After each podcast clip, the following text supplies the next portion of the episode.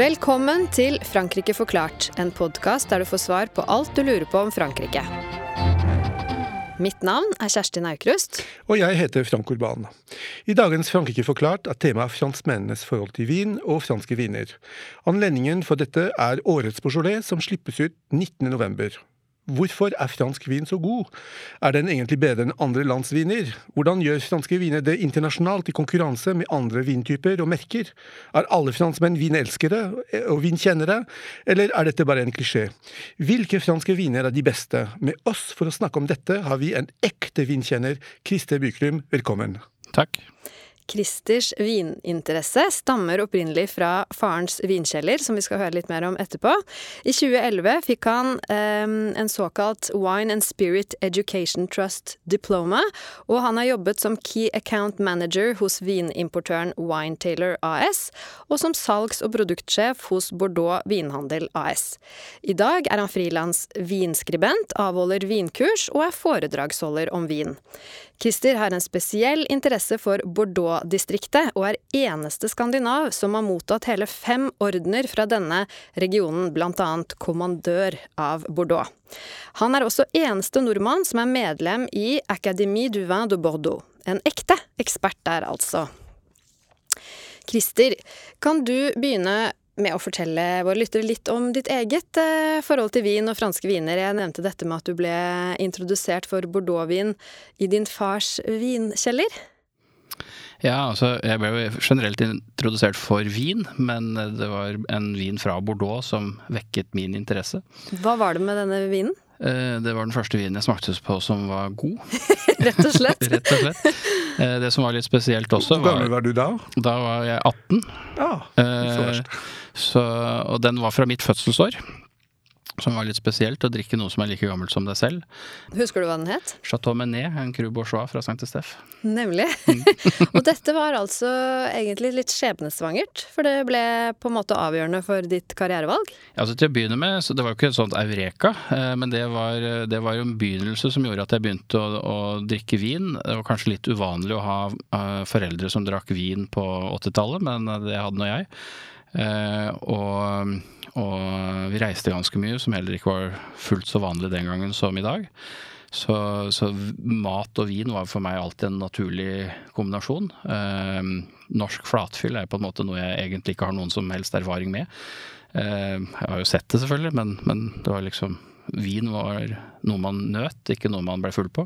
Du hadde mer kontinentale vaner, for Litt, å si det sånn? Litt franskere vaner. Ikke sant? Nei, og, og, og, så begynte jeg jo, fikk jo litt tips av min far om hva slags uh, vinbøker man skulle kjøpe for å ha litt oversikt og ikke gjøre bomkjøp, sånn at man kjøpte gode viner og så videre. Og så gikk det noen år eh, før vininteressen gradvis dro av gårde. Og så var det jeg hadde jo egentlig allerede begynt å, å studere vin, tok noe som heter VZ level 2. Og så fikk jeg smake Chateau Margaux, som også er en bordeauxvin, som da regnes som en av verdens beste viner. Og da, det var point of no return. Da skjønte jeg at dette nytter ikke å ha som hobby, det her må man grave seg helt ned i. Rett og slett. Du, du nevnte jo dette med at altså, du er jo nordmann og, og, vinspesialist, og du har fått stor anerkjennelse i Frankrike for din kunnskap på dette området, som vi hørte innledningsvis her. Men hvordan vil du egentlig vurdere andre nordmenns eh, vinkunnskap? For eh, Norge har jo tradisjonelt vært mer kanskje en ølnasjon. Syns du at vi har har blitt flinkere på vin? Helt klart. Før var, regnet vi en 4000-5000 seriøse samlere. I dag så regner vi kanskje 25 000 seriøse samlere. Eh, før var mange av de ettertrakta vinene fra Burgund og Cotroti og og, altså Bordeaux lager ganske store mengder, så Bordeaux er på en måte alltid tilgjengelig. Mens uh, disse mest ettertrakta vinene, uh, de var jo tilgjengelige hele året. Uh, ting som Claude Papp fra Chateauneuf de Papp eller Jamais Cotroti, de var i bestillingslista på polet. Nå er de utsolgt på de 500-600 flaskene som kommer til Norge i året, er utsolgt på dager eller noen ganger minutter. og det er en helt ny Eh, og Det forteller litt om hvor mange samlere det er. Det er jo folk som sover utafor noen av polbutikkene i dager og uker for å få tak i de mest ettertrakta tingene. Sett, noen mener jo markert seg voldsomt med mat og matlaging de siste, ja. de siste årene. Har du, har du, sett noe tilsvarende når det gjelder vin i internasjonale konkurranser? Hvor, hvor godt gjør noen mener det? vi hadde tidlig veldig gode sommelierer eh, som, som, gjorde det veldig bra. Du, kan, hva, er det, hva, er det, for noe? En sommelier er da en, en, en vinekspert som jobber på restaurant. Okay. Og, og, så har det vel vært en liten periode hvor de kanskje ikke har hevda seg så mye, hvor, hvor særlig Sverige har gjort det kjempebra. Eh, men nå virker det som at eh, gløden er tilbake igjen eh, også der. Og vi har jo fått, hvor mange har det blitt, seks Master Wine, som er på en måte den høyeste tittelen du kan ha i vinverden. Noen regner det som den vanskeligste utdannelsen som fins. Det er vel 400 av de worldwide, så vi har 1,5% Det er jo ganske utrolig. Skal vi gå litt tilbake, til, tilbake i tid? Har franskmennene alltid vært interessert i vin? Eh, bør vi takke grekerne? Bør vi takke romerne for det? Hvor lenge har man produsert og drukket vin i Frankrike, egentlig? Ja, Hvor lenge vet jeg ikke, men de produserte i hvert fall vin i Frankrike før romerne kom. Eh, og om det var grekerne som eh, Grekerne har vel på mange måter og, og fønikerne har vel vært de som dro det utover i, i Europa. Ehm, men sånn som i Bordeaux igjen, altså uh, stammen biturikerne som bodde der før romerne kom, uh, produserte vin. Uh, romerne gjorde vin mye bedre. og Ausonius, som til og med har et slott oppkalt etter seg i Sankt Emilio, som heter Chateau Ozon, har ved siden av dette slottet, eller litt lenger ned i, bakken, så er det en gammel romersk ruin hvor man har funnet masse vinutstyr og vinmakingsutstyr hvor man lurer på om da han kanskje faktisk bodde. Og han ble jo, han ble jo en slags guvernør for Frankrike eh, fordi han lærte to romerske keisere vinproduksjon, for vinproduksjon allerede da for en 1800 år siden var så bra i Bordeaux i forhold til datidens eh, standard at eh, at eh, han fikk en tittel som vanligvis var kun forbeholdt nærmeste familie av keiseren. Det betyr at hvis det har vært vinproduksjon, så har det vært, uh, så har det vært uh, forbruk av vin ja. siden antikken, egentlig. Ja. gjennom grekerne og romerne. Ja. Det er jo, Vi snakker om 2000 år. Det er over 2000 år. Og, og, det gikk jo videre, ikke sant? fordi at en av de tingene som virkelig gjorde at Bordeaux ble så viktig internasjonalt, er jo at Eleonora Acutaine, siste hertuginnen av, av hele storområdet rundt Bordeaux, Eh, hun giftet seg jo med hertugen av Normandie, som to år etterpå ble konge av England. Og ergo så ble jo da hele dette området under engelsk eh, herredømme i mange hundre år. Og eksporten av vin fra Bordeaux var, var en av de største eksportvarene på, på fram til 1300-1400-tallet. Hva ville vår reaksjon være hvis vi fikk servert en vin fra antikken eller fra middelalderen på bordet? La oss si en god bordeauxvin fra antikken eller eh, middelalderen. Er vinen vi drikker i dag, er den kanskje lik? Er den helt ulik det eh, tidligere generasjoner franskmenn konsumerte? Altså For det første, det er ikke sikkert vi ville kjent igjen en bordeauxvin Dagens bordeauxvin, den mørke, tanninrike, kraftige vinen som er veldig lagringsdyktig, er, er, De begynte å dukke opp på 16, midten av 1600-tallet.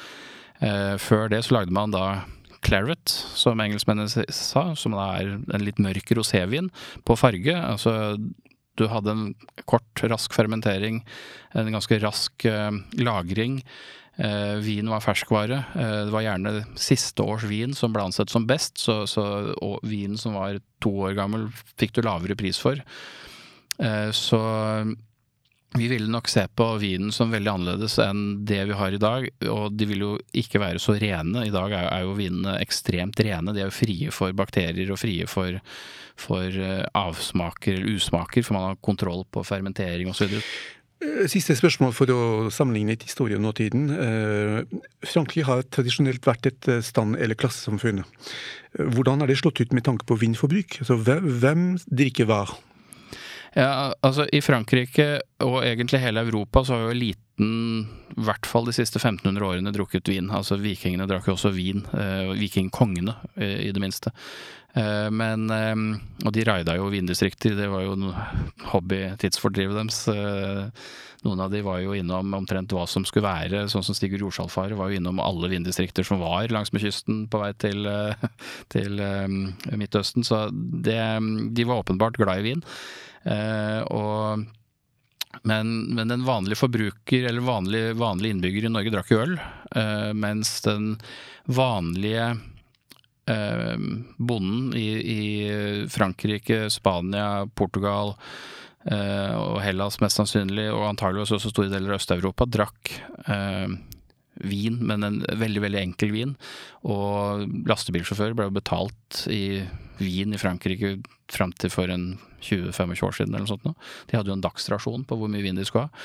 Eh, nå var det en litt annen vin, det var ikke 13-14% alkohol sånn som vi har i dag. Eh, så det var mye lettere viner, det ville også for øvrig disse gamle middelaldervinene vært. Mye lavere alkohol, gjerne kanskje bare 9-10 eh, I Frankrike er jo, selv om vin på mange måter er elitistisk, så er det også noe alle drikker. Det er bare forskjellen på hva slags vin man drikker. Hvis vi snakker om vinsektoren, da. Eh, hvor stor er den i Frankrike i dag, med tanke på inntekt, arbeidsplasser, og hvordan påvirkes den sektoren av eh, klimaendringene? Er det sånn nå at man er ferdig med å miste noen vintyper og få noen nye? Altså, øh, når det gjelder når det gjelder størrelse, så eksporterer Frankrike et sted mellom 20 og 25% av hva vi eksporterer av olje i verdi. Men eh, Frankrike beholder jo ca. 50% av produksjonen selv. Så økonomien rundt vin i Frankrike er omtrent halvparten, tenker jeg, av, av eh, vår oljeindustri. I en, Bordeaux, en, by som Bordeaux, som er eh, ganske sammenlignbart med Oslo i størrelse, så regner man med at rundt 20-25% jobber med et eller annet som har med vin å gjøre. Ikke nødvendigvis i vinmarken eller i et vineri, men med promotering, med vinturisme, med, med produksjon av etiketter, produksjon av flasker, produksjon av korker, eh, formidling av vin, fat. altså Det er jo det er en kjempeindustri. Eller transport. Eh, det er jo det første du ser når du kommer til flyplassen i Bordeaux. ikke sant? Det er jo disse vinrankene utenfor flyplassen. Ja, det er helt fascinerende vinranker til og med på flyplassen. Og ja. det første du ser når du står og venter på bagasjebåndet ditt, er jo noen sånne enorme vinflasker eh, som står midt i, i, liksom i bagasjebåndet. Eh, litt annet forhold til alkoholreklame enn eh, vi har på Gardermoen. Mm, det kan du si. Men eh, apropos, har, vi har jo snakket en del om, om, Bordeaux. Det er klart at det er jo et stort vindistrikt. Men Frankrike har jo andre store vindistrikt. Personlig så vil jeg slå et slag for Alsace, der min mormor kommer fra. Côte de Provence. er det, hvilke, hvilke andre store vinregioner vil du trekke frem? Altså Frankrike, og det er det som er spesielt uh, i, i vinsammenheng. Nå finnes det jo selvfølgelig enkeltprodusenter og, og små småregioner mange steder som lager mye fantastisk, men Frankrike har en stor produksjon av verdens beste dessertviner. De lager eh, mye Altså de har mange forskjellige varianter av det som mange regner som noen av verdens beste rødviner. De har vel ganske ubestridt verdens beste tørre hvitviner. Og også ganske ubestridt verdens beste musserende viner. Eh, så de har på en måte De har satt seg eh, Det eneste de kanskje ikke har verdens beste av, er hetvin. Der har nok Portugal eh, virkelig tatt for seg. Men, men og så har de veldig forskjellige stiler, det er jo en annen fordel. Alsace produserer jo altså det, det, er jo det eneste området i Frankrike hvor man lager vin etter en veldig tysk eh, målestokk. Du har druenavnet på etiketten, noe som det begynner å dukke opp i Burgund også. Eh, men, men, eh, det står at det er en Riesling, og det står eh, at det er en Pinot Gris, og det står at det er en Gewürztraminer på etiketten. Det er jo noe du vanligvis ikke ser i Frankrike, hvilken drue vinen er lagd på. Oh ja, det har jeg ikke tenkt på, men det stemmer selvfølgelig. Ja, De mm. andre stedene så står det at det er en Pauillac, f.eks., og da må du vite at en Pauillac er Cabernet Sauvignon, Merlot, Cabernet Franc osv. i en blend, eller at det er en Givry Chambertin, og da må du vite at det er en pinot noir, eller at det er en cotroti, og at det er en syra osv. Så, videre. så det, de forventer på en måte at du gidder å sette deg litt inn i produktet. At du skal bruke litt energi selv. Du snakker om Tyskland, er det Tyskland? Nei, dette er jo Nei, Frankrike. Frankrike. Nei, men jeg tenker på at Du sier at det er litt sånn tysk påvirkning eller innflytelse? Ja, i, i, akkurat i Alsace er det det. For, okay, okay. for det er ikke noe med EU-reglene å gjøre? Nei, nei, nei. nei. Uh, for der står da navnet på druesortene på etiketten. Så eh, men du har jo altså der, Alsace lager jo, eh, lager jo noen av de eneste, men også noen av de beste Rieslingene i Frankrike. Eh, også, og det er jo et sted altså Burgund er jo selvfølgelig eh, verdensberømt og noen av verdens mest ettertrakta viner. Men Alsace, hvis du er litt på budsjett, men har lyst på god pinot noir, så begynner det å komme mye spennende fra Alsace på pinot noir. Eh, og for burgundere begynner det å bli veldig kostbart. Hele verden vil jo ha burgund.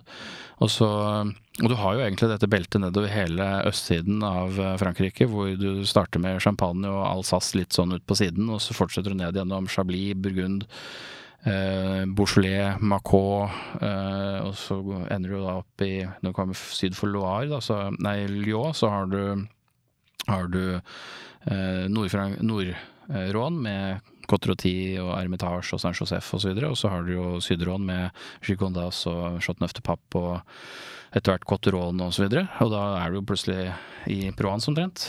Så, og da har du egentlig fortsatt vinproduksjon. Eh, og da går du egentlig hele veien rundt ned til Marseille og opp gjennom eh, Languedoc og Roussillon helt ned mot spanskegrensa, og ender jo på en måte opp igjen i Bordeaux. Og så har du et lite opphold hvor man lager konjakk, og så er man plutselig i Loiredalen.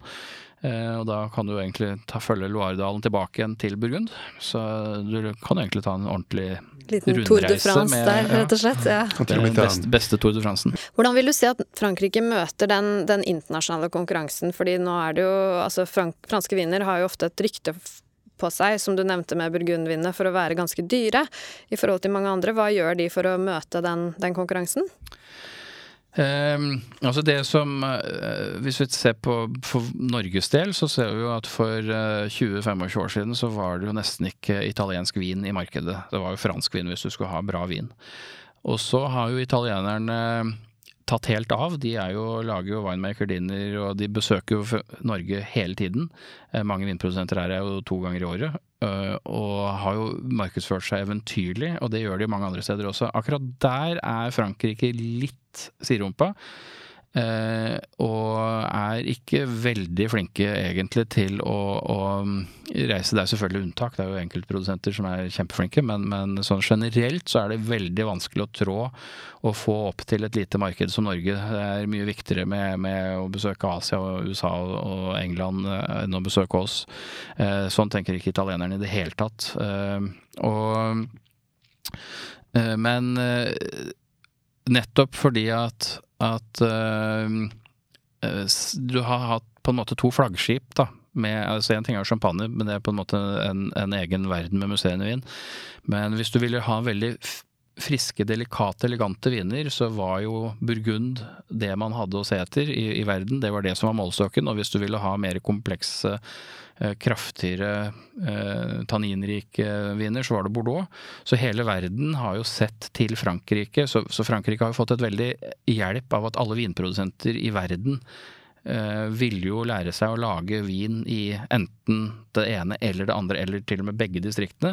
Og, de var jo selvfølgelig gjerne innom Rån og lærte seg å lage rånvin også, og det ser du jo når da disse produsentene kom tilbake igjen både til Piemonte, men også til USA eller Australia eller Sør-Afrika, ja, Sør-Amerika også, eh, så, så starta de plutselig å lage både en Syrah, altså en rånvin, en Bordeaux blend og en Pinot Noir fra vinmarker som ligger ved siden av hverandre. Selv om det er mange timer å kjøre mellom disse druene i Europa, så, så, så vil de gjerne ha med seg Riesling også. Uh, og gjerne en Chardonnay, som også Sauvignon Blanc. Og plutselig så har du da hele Frankrike inne i ett vineri.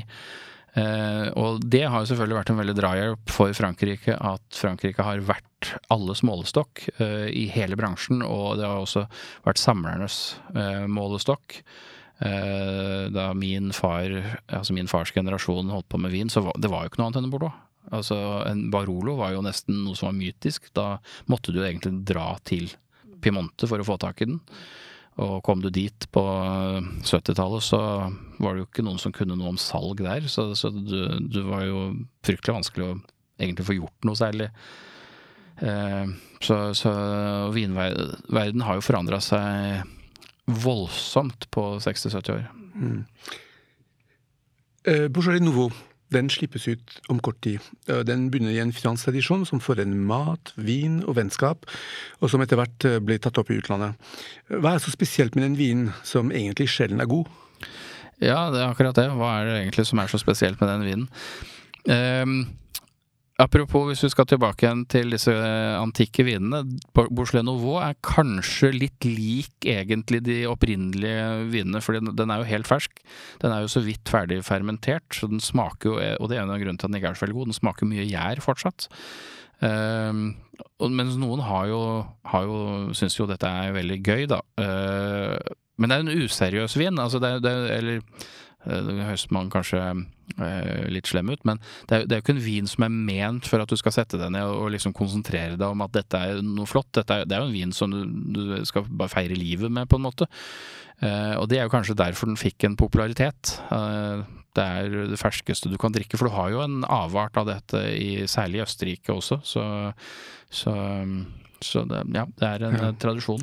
Så man skal ha oliven og litt spekemat og feststemning. Men det er viktig å påpeke da, at det er Beaujolais Nouveau. For Beaujolais har jo virkelig begynt å lage ordentlig altså har, Noen har lagd bra vin der lenge, men nå begynner det å bli mange veldig flotte Beaujolais på såkalt crew-nivå når vi begynner å snakke om enkeltvinmarksviner og enkeltkommuneviner osv. Viktig påpeking. Til slutt, det store spørsmålet alle lurer på.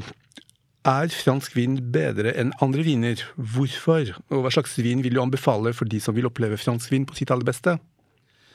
Altså, eh, det lages jo fantastiske viner over hele verden. Det som er litt spesielt med Frankrike, er at vinene har en tendens til å Altså, det gjør de andre steder også, men vinene i Frankrike har en tendens til å gå eksepsjonelt godt til både lokal og annen mat. Eh, de er, eh, det er veldig få franske viner som er tiltenkt å drikke alene. Eh, mange av de løfter seg med mat til.